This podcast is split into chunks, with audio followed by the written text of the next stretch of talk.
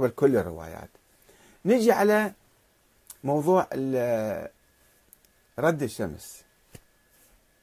رد الشمس حدث تاريخي هذا. مو قول مو قول واحد قال النبي قال كذا أو الإمام علي قال حتى نروح نبحث في آه، علم الرجال حتى نتأكد أنه هذا سنده صحيح ولا مو صحيح. إنما هذا حدث تاريخي كبير عالمي. مو حدث صغير أيضا. مو مثلا شيء حدث في بقعة صغيرة من الأرض لا. هذا حدث كوني كل العالم لازم يشوفه. زلزال في الأرض نزلوا عن رد الشمس. عندما يحدث زلزال في منطقة ويسجلوه في كتب التاريخ أو وكالة الأنباء تنقل حدث زلزال في فلان منطقة حدث تسونامي في فلان منطقة مثلا. هذا حدث كوني حدث أرض يعني جغرافي أو طبيعي أو آه هذا ما يمكن إحنا ناخذه بمنهج السند والله هذه الروايات منو بده ينقل الرواية هذه؟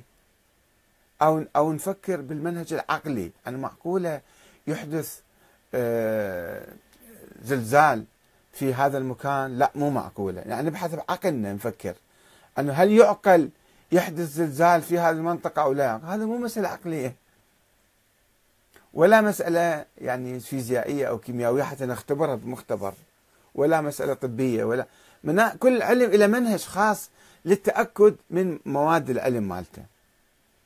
هذا حدث الكوني زلزال أو أو خسوف بالقمر أو أو كسوف بالشمس مثلا.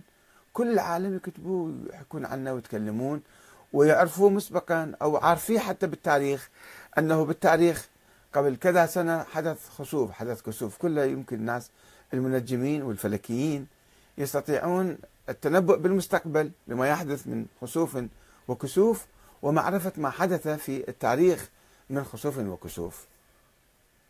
والزلازل كذلك يمكن تسجل والناس كلهم ينقلوها من دون يعني آه، التوقف عند هوية الناقل. أنه من يقول هذا مسلم مسيحي سني شيعي بعد ما في ما في شيء اسمه سني شيعي هنا. بالأحداث الكونية والأحداث الطبيعية. مع الأسف الشديد في الحوزة الأمية التي يفترض فيها أن تكون دينية وعلمية. حتى تقدم الدين الصحيح والعلم الصحيح للناس. فإذا نشوف بعض الأوساط أنا ما أقول كل الحوزة أمية لا. هناك حوزة علمية وهناك حوزة أمية. يجب أن نعترف بذلك.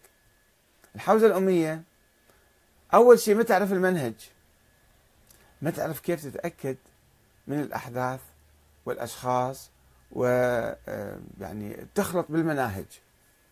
مثلا قضية تاريخية مثلا ولادة الإمام محمد بن حسن العسكري. قضية تاريخية هذه. أن هذا الولد ولد أم لم يولد؟ هذا بحث تاريخي. ما يصير نبحث فيه بالمنهج العقلي. أنه والله بعقلنا نقول هذا الإنسان آه، ولد أو لازم كان يولد. يجب يعني نفترض أنه ولد. لا هذا منهج مو صحيح منهج غير عقلي. استخدام العقل في المنهج التاريخي منهج غير عقلائي. العقلاء ما يتبعون هكذا مناهج. إنما يتبعون المنهج التاريخي. نروح نقرأ التاريخ ونشوف كما درسنا مثلا حياة الحسن العسكري علي الهادي محمد الجواد علي الرضا كل الأئمة والأشخاص والخلفاء والحكام أنه ذولا وجدوا بالتاريخ. فنؤمن بوجودهم. هسه نعطيهم صفة أخرى أنه هذا خليفة هذا حاكم حاكم شرعي حاكم مو شرعي هذا بحث آخر. بس وجود الأشخاص هذا بالمنهج التاريخي إحنا ندركه. والمنهج التاريخي كل الناس يؤمنون به. يعني كل الناس يعرفوه وكل الناس يتوصلون إليه. مو فقط الشيعي يؤمن بأن مثلا هارون الرشيد كان موجود والسني ما يؤمن أو المسلم يؤمن والمسيحي ما يؤمن. لا اليهودي والمسيحي والبوذي والشيعي كلهم يؤمنون في خليفة اسمه هارون الرشيد. وعنده أبناء اسم اسمهم الأمين والمأمون وغيرهم وذول اقتتلوا فيما بينهم. وهذا منهج تاريخي ما يحتاج نبحث السند ولا نبحث نفكر بعقلنا.